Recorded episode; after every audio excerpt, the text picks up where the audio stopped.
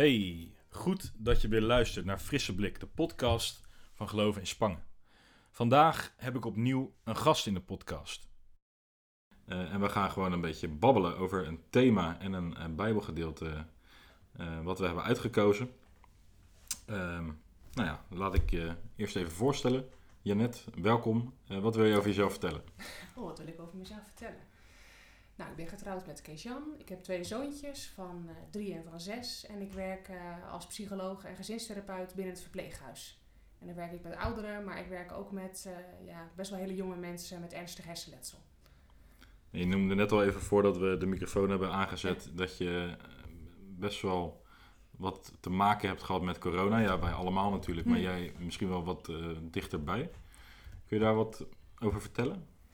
Ja, in, ik werk normaal in twee eh, huizen. En de ene huis waar ik werk, daar was echt heel veel corona. Dus daar, Mhm. eh, nou ja, één team en één ehm, ja, afdeling, daar was een soort besmettingshaard. Dus daar was echt om de havenklap, waren collega's daar ziek.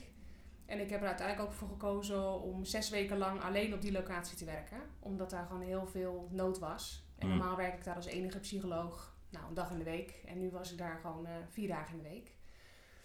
En eh, ja, wat wel echt spannend was, is dat je gewoon ja, de hele dag ermee geconfronteerd wordt. En Ja. dat, eh, vooral in het begin waren er nog niet veel beschermingsmaatregelen. Dus ja, elke dag had ik wel weer een collega met wie ik sprak. En de dag daarna bleek iemand positief eh, getest te zijn. Of hartstikke ziek te zijn geweest en net weer terug. Dus Ja. ja, het was wel dichtbij. Maakte dat je, je bang? Nou, ik vond het soms wel spannend dat ik dacht, ja, als ik corona krijg, dan moet ik in quarantaine met eh, mijn man en eh, twee hele actieve jongetjes. Dat Ja. leek een soort van, eh, nou ja, nachtmerrie. Ja. Ehm, maar wat ik vooral heel veel merkte was bij mijn collega's dat ze heel bang waren dat ze bewoners hadden besmet. En dat is mogelijk ook wel gebeurd. Dus waarschijnlijk zijn collega's eerder ziek geworden, ook eerder dan de verpleeghuizen dichtgingen. Hm. Dus waarschijnlijk waren de mensen al ziek en besmettelijk. Voordat, ja. Dus het kan ook best zo zijn dat er bewoners zijn overleden als gevolg van dat ze besmet zijn door collega's. En, eh, en wat ik altijd wel heel intrigerend vond, was dat bij elke verzorgende dat vooral speelde. Dat ze zeiden van ja, ik ben niet zo bang dat ik zelf ziek word, maar wel Ja, dat Wat doe ik? eh, mijn partner die Ja. risicogroep is of eh, mijn bewoners ziek worden. ja, lijkt me heftig. Ja, ja, het was best wel heftig eigenlijk. En gelukkig zijn er maar, nou ja, maar relatief weinig bewoners overleden. Maar, eh, maar wel heel veel collega's eh, ja, best wel heel ziek geweest. Gelukkig ook niemand in het ziekenhuis of overleden van de collega's. Maar eh, ja, en bij een, een, een, een verpleeghuis echt vlakbij ons van een andere organisatie, daar is echt inmiddels meer dan 100 mensen besmet. Bijna iedereen. Hm. En nou ja, daar leef je natuurlijk ook wel mee mee. Dus, eh, Wat, wat, wat merk je wat het doet met ehm, de bewoners zelf? Dat ze in zo'n soort. In een verpleeghuis is dat natuurlijk nog wel meer merkbaar dan, eh, dan op straat. Dat je. ehm, nou ja, je mag eh, erg weinig, denk ik. Geen bezoek ontvangen, dat soort dingen. nee, dus wat wat doet dat met mensen? ja, ik, ik mocht zelf niet met bewoners spreken. Omdat ik op alle plekken kwam in het huis. Dus Mhm. ik heb zelf niet be- bewoners gesproken. Maar wat ik wel heel veel terughoor is dat mensen natuurlijk gewoon verschrikkelijk hun familie missen. Maar ook echt, nou ik denk wel zes weken lang mochten mensen alleen op hun kamer blijven. Hm. Dus heel soms mochten ze dan eventjes naar een bepaalde binnentuin even toe om de beurt. Eh, Ja. En dat was een heel groot gemis. Gewoon het, eh, het contact met anderen. Contact. Ja. Dat, eh, dat mist mensen eigenlijk het meeste. En ook wel angst om ziek te worden. Maar dat is, ja... Er waren ook wel heel veel mensen die zoiets hadden van... eh, nou, geef mij maar corona en dan ga ik dood. dat vind ik minder erg... Dat risico Dan- wil ik wel dit. lopen. Ja, Als ik ja, mijn familie ja, maar kan zien. Dus dat... Alleen het cruwe is natuurlijk dat dat niet kan. Omdat je, ja, je woont met z'n allen in een huis en je hebt personeel. En dus voor die individuele bewoner zou dat misschien prima zijn. Maar voor ja, het risico voor anderen wordt natuurlijk veel groter daardoor. Ja. Dus dat Ja, dat is ook wel natuurlijk het regelmatig lastige gehoord. met dit. eh, ja. Ja, als mensen 95 zijn in de laatste fase, dan wil je eigenlijk dat je de dingen, ja, dat je mensen om je heen Ja, hebt waar ja, je echt eh, verbinding mee hebt.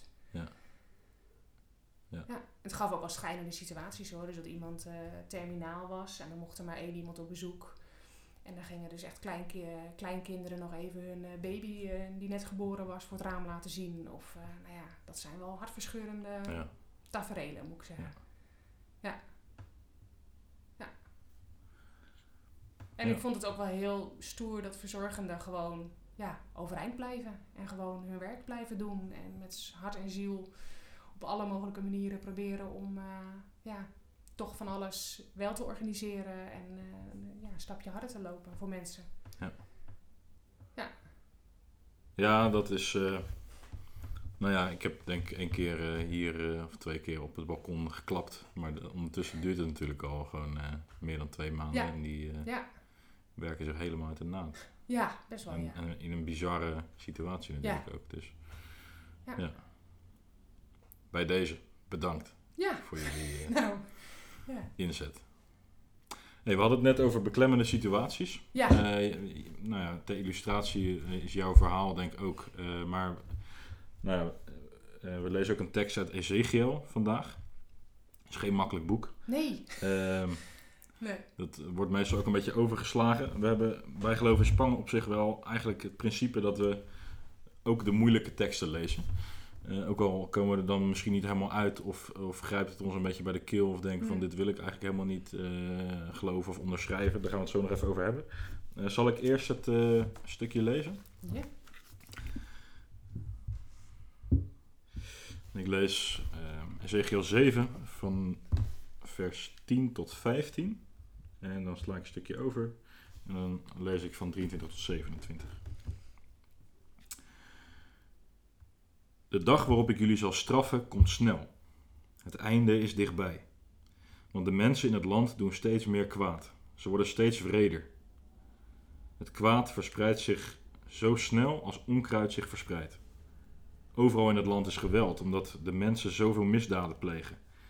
Er blijft niets over van Israël. Er blijft niets over van alles waar het volk zo trots op is.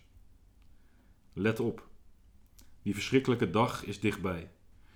Iemand die iets koopt hoeft niet blij te zijn. En iemand die iets moet verkopen hoeft niet verdrietig te zijn. Want de mensen kunnen hun bezit toch niet houden.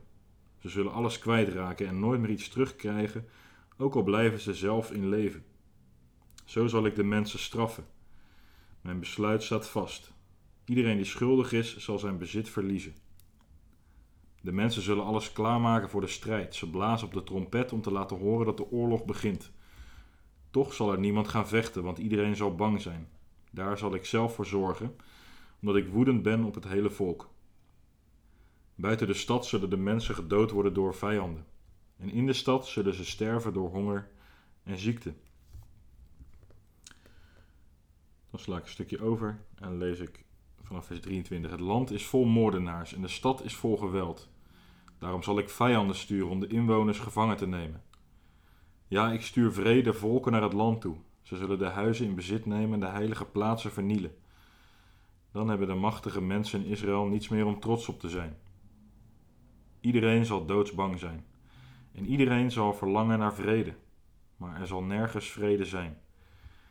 De ene ramp volgt op de andere. Het ene slechte bericht komt meteen na het andere. De mensen vragen aan de profeten wat er zal gebeuren. Maar de profeten weten het niet. De priesters kunnen niet zeggen wat de mensen moeten doen. En de leiders van het volk kunnen geen raad meer geven. De koning heeft alle moed verloren. En de bestuurders zijn in paniek. Het hele volk beeft van angst. Zo zal ik de Israëlieten straffen voor hun misdaden. Ik zal met hen doen wat zij zelf met anderen gedaan hebben. Dan zullen zij eindelijk begrijpen dat ik de Heer ben.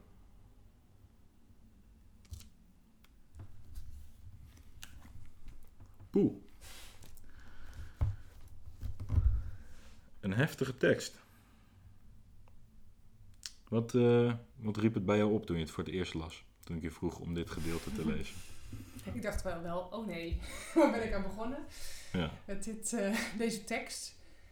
En aan de andere kant vind ik het ook wel mooi om wel de echt moeilijke, ingewikkelde dingen daarbij stil te staan. Dus in zoverre ja, Ja. past het ook alweer bij mij om daarover na te denken. ja. Want hoe... hoe, hoe ehm, nou, ik heb zelf altijd een beetje bij zulke soort teksten dat ik het een soort op wil lossen. Ehm, dus nou ja, dit, eh, dit is een tekst met eh, hele scherpe randjes. Dat je dat een soort glad wil maken. Dat je er toch mee eh, door een deur kan of zo. Hmm. Hoe werkt dat voor jou? Nee, ik denk dat ik dat minder heb. Of dat ik, dat ik meer heb. ehm, ja, waar ik heel erg aan moest denken is ook van ja, de ingewikkelde, hele moeilijke dingen in het leven, die zijn er ook. En die mogen er ook zijn. Dat, dat riep het meer bij mij op, Oké. denk ik. Ik zit te denken waarom dat bij mij zo is hoor. Maar als ik ook naar mijn, in mijn werk bijvoorbeeld kijk, dan. eh, er zijn collega's die als mensen gaan huilen of als het heel erg moeilijk wordt, dat ze dan gelijk glaasjes water geven en een, zakdoekje. En nou ja, dat geeft mij altijd het gevoel van dat moet zo snel mogelijk weg zijn. Hmm. Terwijl, Ja. ja, wat ik soms wel zie is als mensen heel veel leed hebben, dat er weinig plekken zijn waar dat er echt mag zijn. Heel Ja. veel angst of heel Ja. veel boosheid of heel veel verdriet. Dat, ja. ligt natuurlijk ook een beetje een eh, taboe op of zo. Dat, Ja. eh, nou ja, het moet, moet vooral. eh, je moet gelukkig zijn en tegenwoordig heb je dan ook wel een soort eh, ontwikkeling van je moet ook echt zijn. Maar het is toch wel mooier als je vrolijk echt bent dan verdrietig echt, zeg maar. Ja, ja. nou ja, kijk, in. in eh, Daarbij, ja, daarbij moet ik met dit stuk wel een Mhm. beetje aan denken. Het is een Mhm. soort van in your face. Heel veel. ja, het is ook niet, niet, niet één, eh, één, één regel dat je denkt van, oh, oké, nou, dat is, Dat niet, dat is niet zo best, maar echt. Nee. Ik, zat, ik moest even te denken, de leiders van het volk kunnen geen raad meer geven. Ja. Eh, Rutte staat natuurlijk elke, elke week eh, weer een update te geven, zeg maar. En ik vind zelf dat hij het best wel heel goed doet, los van eh, de, nou ja, of je VVD stemt of niet, weet ik veel. Ehm, maar dat als gewoon, nou ja, dit is gewoon totale chaos, zeg maar. En, en het wordt aangekondigd als iets van God. Ja. Ja, dat vind ik dan wel ingewikkeld, ja. Ja. ja. Ja. Ja, terwijl ik ook wel weer moest denken aan ehm, dat ehm, ik, ben, ik ben ook relatietherapeut en dat eh, als er binnen een relatie eh, ja, situaties zijn waar één of beide verschrikkelijk boos worden, dan is dat vaak ook wel een onderwerp wat verschrikkelijk belangrijk is. Dus als je als relatietherapeut met een echtpaar in gesprek Mhm. en er is juist heel erg veel boosheid op bepaalde momenten, Ja. dan, is dat, dan gaat dat vaak over hele cruciale dingen. Over dingen die voor, elk, nou, voor beide heel erg belangrijk is. Ja. En nou ja, dat is dan een gedachte die ik nog wel een beetje kan toelaten. Van, Ja, ja, Misschien ja. is- Dus, kan God ook zo boos zijn omdat wij zo belangrijk voor hem zijn? ja, ja, ja. Dus dan is de boosheid. ehm, een signaal van iets wat, wat daaronder zit, wat die boosheid Ja, veroorzaakt. Dus dat, Ja. dat zou dan ervoor zorgen dat je je beeld van God niet is van iemand die eh, nou ja, zichzelf verliest in zijn woede, maar eh, meer is dan die woede op dat moment. ja of dat daar, dat nou ja. klinkt een beetje vaag, maar Ja. je snapt wat ik bedoel. Ongeveer. ja, ik zit te kijken hoe ik dat kan uitleggen. Hoe ik dat dan... Misschien ook als, als ik naar, naar mezelf kijk. Van als, je- als je in je relatie dingen hebt waar je echt heel erg geïrriteerd over raakt. Of heel erg boos van wordt. Dan, eh, dan merk ik dat het mij en mijn man kan helpen om zo nu en dan even stil te staan bij van... Hé, hey, maar nu worden we echt heel geïrriteerd. Wat Mhm. is dat dan? Waar zijn we dan bang voor? Of wat Ja. eh, mis ik? Of, eh, en heel vaak zit er wel iets van angst onder. Van angst om elkaar te verliezen. Of angst dat je niet, niet gezien wordt door de ander. Ja. Of ben ik echt wel belangrijk voor jou?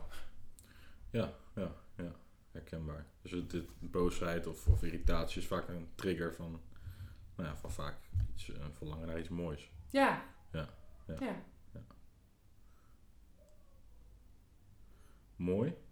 En je hebt ook een boek meegenomen. Ja. Om maar even van de hak op de tak te springen. Ehm, kun, je, kun, je, kun je daar eens wat over vertellen? Ja. Ik had je eh, niet gevraagd om een boek mee te nemen. Dus ik vind Nee. het heel leuk dat je dat uit jezelf eh, doet. Ja, ja. Wat, eh, wa- wat is dit voor een boek? Nou, eigenlijk had ik een ander boek van... Het is een boek van Stine Jensen. En Stine Jensen is een filosoof. En ehm, ik, het eerste boek wat ik van haar las, dat ging over afscheid nemen. En dat was een boek voor kinderen over afscheid nemen in de hele brede zin. Dus niet alleen als iemand overleden is, maar ook als je, nou ja, als je iets mist of uh, iets bent kwijtgeraakt of naar een andere plek gaat verhuizen. Ja. En um, ze heeft ook een boek geschreven um, over, nou, dat heet Alles wat ik voel. Het grote emotieboek. Het is een boek dat eigenlijk voor kinderen en tieners is. En uh, zij uh, heeft allerlei hoofdstukken over allerlei gevoelens uh, geschreven. Mm. En ik heb het eigenlijk ben ik het gaan lezen met mijn zoontje van zes in de coronatijd. Omdat dat natuurlijk echt een tijd is dat een hele hoop gevoelens oproept. Ja. En uh, ja, zo'n kind merk je ook dat hij daar ja, niet zo heel goed raad mee weet. En heel rechtstreeks over dingen praten is soms heel ja, spannend of extra moeilijk. En in dit boek beschrijft ze elk hoofdstuk een bepaald gevoel. Met, maar met hele, ja, hele simpele vragen ertussenin. Mm -hmm. En ze refereert allemaal aan filosofen. Oké. Okay. Dus het is echt een filosofisch boek, wat Ja, over gevoelens ja, gaat. Maar echt heel geschikt Leuk. voor kinderen. Leuk. En het is echt, ja, ik vind het heel bijzonder om te zien. Mijn zoontje dat ook heel erg, eh, ja, heel erg intrigeert. Dat het woorden geeft aan dat wat je eigenlijk, ja, vaak wel voelt of merkt. Ja. eh, maar dat je daar niet zo bij stilstaat. Mhm. En, eh, en ik moest bij dat hoofdstuk wel heel erg denken aan eh, het hoofdstuk over, eh, over woede. Dus het hoofdstuk uit de Bijbel, Ezekiel. Ja. En ehm, nou ja, er staat ook een plaatje bij met eh, iemand met bokshandschoenen en eh, heel Ja. erg eh, rood, wild Ja, iets eromheen. En het gaat, nou ja, er staan bijvoorbeeld ook vragen in als, ehm eh, even kijken hoor, hier. Mensen winden zich vaak op over dingen die niet echt belangrijk zijn, zegt Seneca. Kleine dingen, zoals een half uurtje per dag op de iPad en dat je eroverheen gaat. Maar wat is nou eigenlijk echt belangrijk in het leven? Stel je gaat binnenkort dood. Waar ga je dan druk over maken? Over nieuwe ramen, je gamescore, de snotneus van de buurman? Wel nee toch? Dat besef dat je ooit doodgaat, kan misschien helpen om je boosheid te relativeren. Nou, dan staat er bijvoorbeeld een vraag bij van, eh, heeft Seneca gelijk? Wat vind jij nou eigenlijk? Mag boosheid er zijn? Of Hm. eh, moeten we daar eigenlijk proberen dat zo min mogelijk te zijn? En eh, nou ja, nou, aan, de, aan de hand van zo'n hoofdstuk en vragen ga ik, ja, ging ik dan met mijn zoontje in gesprek. Ja. Van, wanneer ben jij dan boos en wat, wat is dan belangrijk en eh, waarom ben je daar dan zo boos over?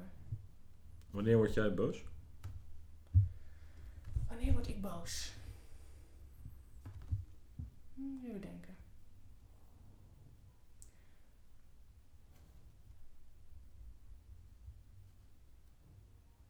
Dus even voorbeelden voor me te halen hoor. Ja. Wat een passend voorbeeld is. Eh, nou, ik denk wel dat ik toch nog het meest boos kan worden gewoon thuis in mijn eigen eh, gezin. Waar je je, je, je veilig en eh, vrij voelt. En ja, waar het ook, waar ook vaak, weet ik veel, als mijn zoontje... eh, mijn jongste zoontje kan heel erg de grenzen opzoeken. Dus elke grens is een wens om eroverheen te gaan. En daar kan je de ene keer wat beter tegen dan de andere keer. Ja. Dat zijn toch wel dingen waar ik wel eh, boos over kan worden soms. En vooral als je moe bent of niet goed in je vel zit. En, Ja. ja. Ja, Je kind is er altijd. Ja, en nou, juist op het moment juist eh, dat, deze die tijd. niet goed, dat ze niet goed in hun vel zitten, Ja. dan gaan ze natuurlijk ook dingen doen. Ja. Ja, ja. En ze reageren ook alweer op hoe jij in je vel zit. Dus als je niet zo'n goede dag hebt, dan merk je dat eigenlijk gelijk aan je kinderen. Ja, dat is bijzonder hoe dat altijd samen Ja, hè? werkt. Ja. Ja. Oké. Ja, boos. Dat eh, is natuurlijk een gevoel wat je best wel vaak hebt, maar niet zo trots op bent. Merk ik bij mezelf. Ik kan heel boos worden als we hier in Spangen op het kruispunt eh, van die eh, gasten in hun auto midden op het kruispunt staan. Terwijl dat, Oh, dat trek ik echt heel slecht. Ja. Dat, dat weet ik nu ook van mezelf ondertussen. ja. Dus dan is het ook alweer een soort oefening om, nou ja, lieve dingen te denken, zeg maar. Om het te verdragen. Ja, ja. Maar dat, daar zit dan een soort onder van, hou je aan de regels? Of, of Ja. eh, ja, als ik eh, zoiets bij jou zou doen, zou je het ook niet tof vinden, zeg maar. Dus daar zit dan ook wel weer iets onder. Dus dat is wel een mooie, mooie gedachte, dat boosheid een soort, eh, ook een boodschap altijd in zich draagt. Van iets wat je belangrijk vindt of... eh, Ja. Ja. Wat, wat in het boek ook staat is dat ehm, wie boos is, heeft een reden om boos te zijn. Er staat kennelijk iets heel belangrijks op het spel. Stel dat iemand tegen je liegt, dan heb je alle recht om boos te zijn. Eh, of stel dat een leider van een land het geld van de bevolking steelt en niets deelt, terwijl de bevolking keihard werkt. Dan is er ook alle reden tot boosheid. Soms kan boosheid mensen bij elkaar brengen, zodat ze samen gaan protesteren tegen de misstanden. En dan kan er misschien wel iets veranderen. Dus boosheid is een emotie die iets in beweging kan zetten, die voor verandering kan zorgen. En dat vond ik zelf wel een mooie gedachte of zo. Van dat boosheid wel echt iets in, eh, ja, in gang kan zetten. Dus ik kan me één keer herinneren dat ik op mijn werk een eh, meneer had die echt keihard ja riep. De hele dag. Meneer met dementie. Die liep door het huis heen en eh, nou, iedereen schrok zich eigenlijk te pletten van die man. Want hij deed dat ook als hij ineens achter je stond. En ik weet nog heel goed dat er één collega was en die ging ons gewoon elke keer bij elkaar roepen. En die zei, ik vind dat wij met elkaar echt moeten bedenken hoe we deze man beter kunnen helpen. En op de duur was ik echt heel boos. Dat ik echt dacht, hou nou op. Ze was zo aan het drammen dat ik echt zei, we hebben alles gedaan. Hm. Met alle kennis die we hebben, kunnen we niet meer doen dan wat we nu doen. En wat ik wel heel mooi vond, was dat zij gewoon, ze bleef gewoon vasthouden. En ze zei, ja, ik accepteer dat niet. Ik accepteer niet dat jij nu zegt dat je alles gedaan hebt. Ik vind gewoon, nou, dan ga je maar op zoek naar iemand die het wel weet. En dat was echt, nou, ik was echt heel boos en geïrriteerd. Maar toen uiteindelijk dacht ik, ja, ze heeft ook al gelijk. Het is natuurlijk wel een beetje, ja, een beetje jammer Hmm. dat we dit echt niet kunnen.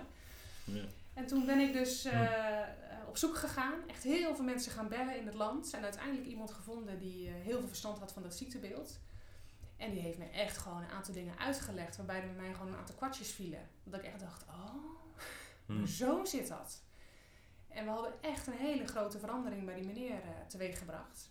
Die veel beter in zijn vel zat. En, eh, en daarna kon ik ook allerlei andere casussen weer op dezelfde manier aanpakken.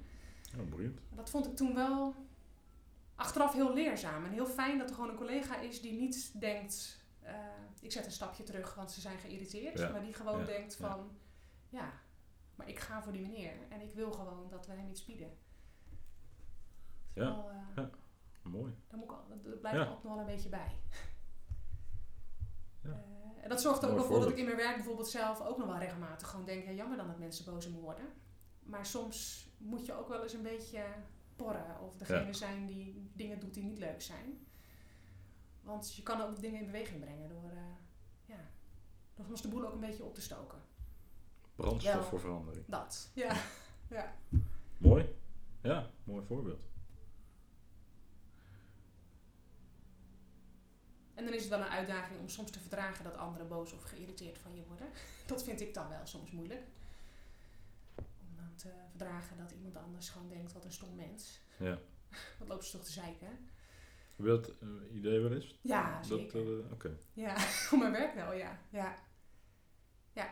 Maar dat is dan ergens een soort bewuste Ja, het is vaak wel redelijk. keuze voor een hoger doel. Ja. Ja. Ja. Ja. Dus dat is blijkbaar ook wat ik op mijn werk regelmatig doe. Mensen soms geïrriteerd maken of ingewikkelde dingen toch op tafel leggen. Ook terwijl iedereen denkt, hier willen we het nu helemaal niet over hebben. Eh, maar ja, Hm. soms is het ook wel goed om een beetje, Beetje te prikkelen. een beetje te prikkelen. Ja. Wat eh, is er bij, eh, bij Geloof in Spangen iets wat je denkt van, nou, daar vind ik wel wat van.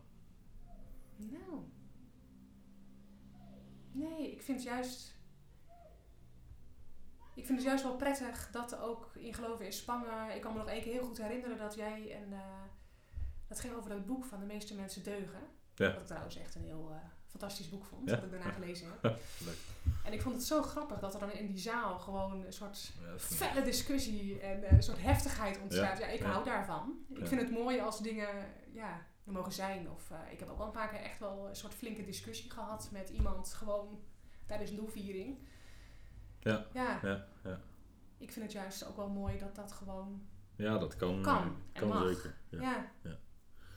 Ja. Dus misschien dat ik me daarom ook juist wel thuis voel. Hm. Dat, het wel, dat mensen wel mogen verschillen. Ja. Dat vind ik prettig. Ja. Voor mij mag het wel eens een beetje schuren en het hoeft niet altijd eh zijn. Geen eenheidsworst. Hm? Geen eenheidsworst. nee, nee. Nee. Nee, ik Oh, heb mooi. toe niet Nou. echt dingen gehad dat ik denk, eh, wat verschrikkelijk irritant of zo. Nee, Nou, mocht je iets hebben, dan eh, kun je altijd Ja. eh, weet ik. je boosheid kwijt. Nee, maar Ja. Wacht maar af. Wat zit jij nou allemaal te denken? Ja, ik ben vragen aan het bedenken. En ik, ik, ben, ik denk, ben van mezelf best wel ehm, een rustig persoon. Ehm, dat is ook wat mensen vaak over mij zeggen. Dus dan denk ik, nou, dat, dat volgens mij klopt dat wel aardig. Als ik het zelf vind en mensen vinden het. Ik ben ook niet zo heel snel boos. Maar nou ja, in met zo'n auto ben ik geïrriteerd, zeg maar. Ja. Dus ik... eh, maar ik, eh, ik je ziet natuurlijk op straat ook wel eens mensen tekeer gaan dat je denkt van... Wat is er in jou gevaren, zeg maar. Ja, Eh, dus ik, ik kan me ergens niet heel goed een, een, eh, een, een beeld scheppen van dat je echt heel erg boos wordt op iemand of op iets. Dus ik vind het wel mooi dat jij zegt van nou, het, het heeft eh, ook kan, zeg maar, gebruik de boosheid die je eventueel voelt goed, zeg maar. Dus als een, als een boodschap van iets wat dieper zit en ja ook als als een soort soort thermometer of zo. kracht van Ja. wat dan verandering kan brengen, zeg maar. Want je wordt ook niet zomaar boos, Ja, zeg maar. Eh, of tenminste, kan misschien, maar dat is erg vreemd. Ja. Dus ik zit even te zoeken naar hoe zou ik, zeg maar, met wat jij nu aanreikt zelf iets kunnen. Eh, en wat kunnen we als vertaalslag maken eh, voor de wijde wereld.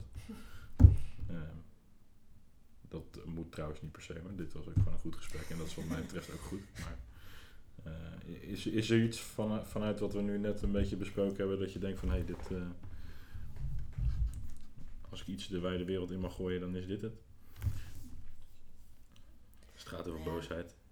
ja wat, wat ik vooral belangrijk vind is dat alle eh, gevoelens en ingewikkelde dingen er ook wel mogen zijn. Ik denk dat ik dat Ja. wel belangrijk vind.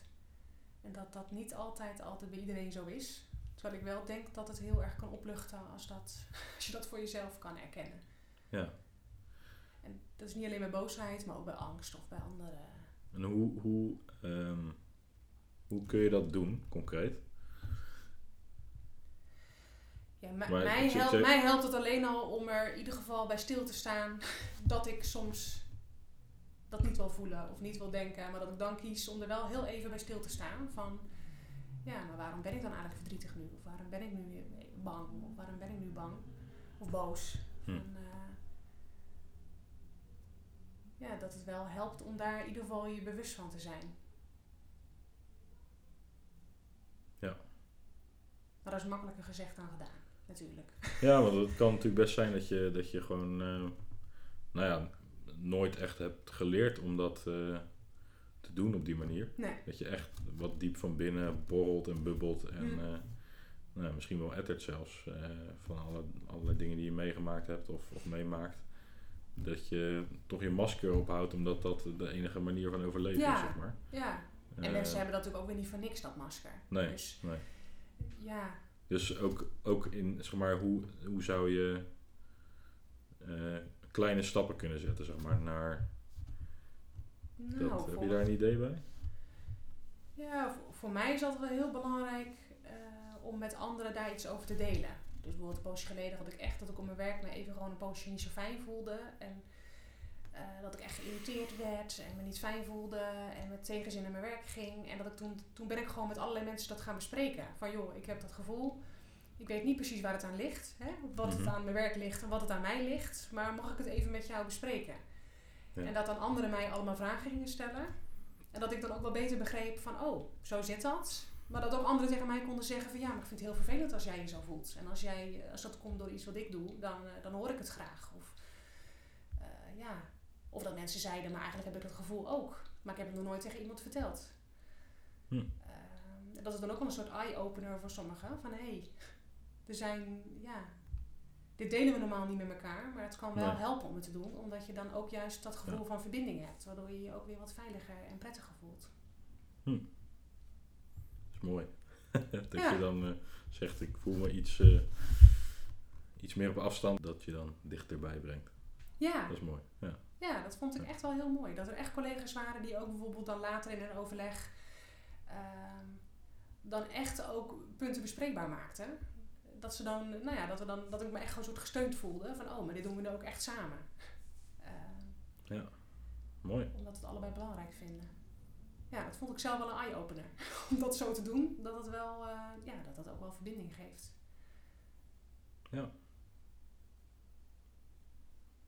Gaaf. Ehm, zullen we er eind aan breien? Ja. Heb je nog een, eh, Iets voor de rondvraag? Een uitsmijter? nee, ik weet het niet. Nee. Nee. nee, ik zou het niet weten. Jij? Ehm. nee, ik naam dat ehm, jouw boek vind ik wel eh, erg boeiend. Ik zat te denken, misschien kunnen we daar iets mee op de Kids Life of zo. Eh, of de zondagschool, moeten we even kijken. Ehm, maar die ga ik ook nog even in de, die zet ik ook gewoon in de beschrijving. Het is wel echt heel mooi. En ook het boek over afscheid nemen is echt heel... eh, Ja. ja, vond ik heel indrukwekkend. De tip van de week, Stine Jensen, Ja. Alles wat ik voel. Ja. Je kan hem eh, lenen, denk ik, bij Janet. Ik heb nog wel iemand die hem ook wil lenen. Oké, hij is nog niet helemaal uit. Maar Oké. je kan hem altijd een keer lenen. Ja, nou bedankt. Je hebt de spits afgebeten. Echt? Voor dit, eh, oh, voor deze soort wel. Ja. Dus bedankt. En eh, nou ja, we gaan horen wat mensen ervan vinden. Laat dat ook vooral eh, weten. En ehm, nou, wie weet horen we je nog een keer terug. Wat mij betreft wel. Oké. Over een iets Iets. zaliger tekst misschien.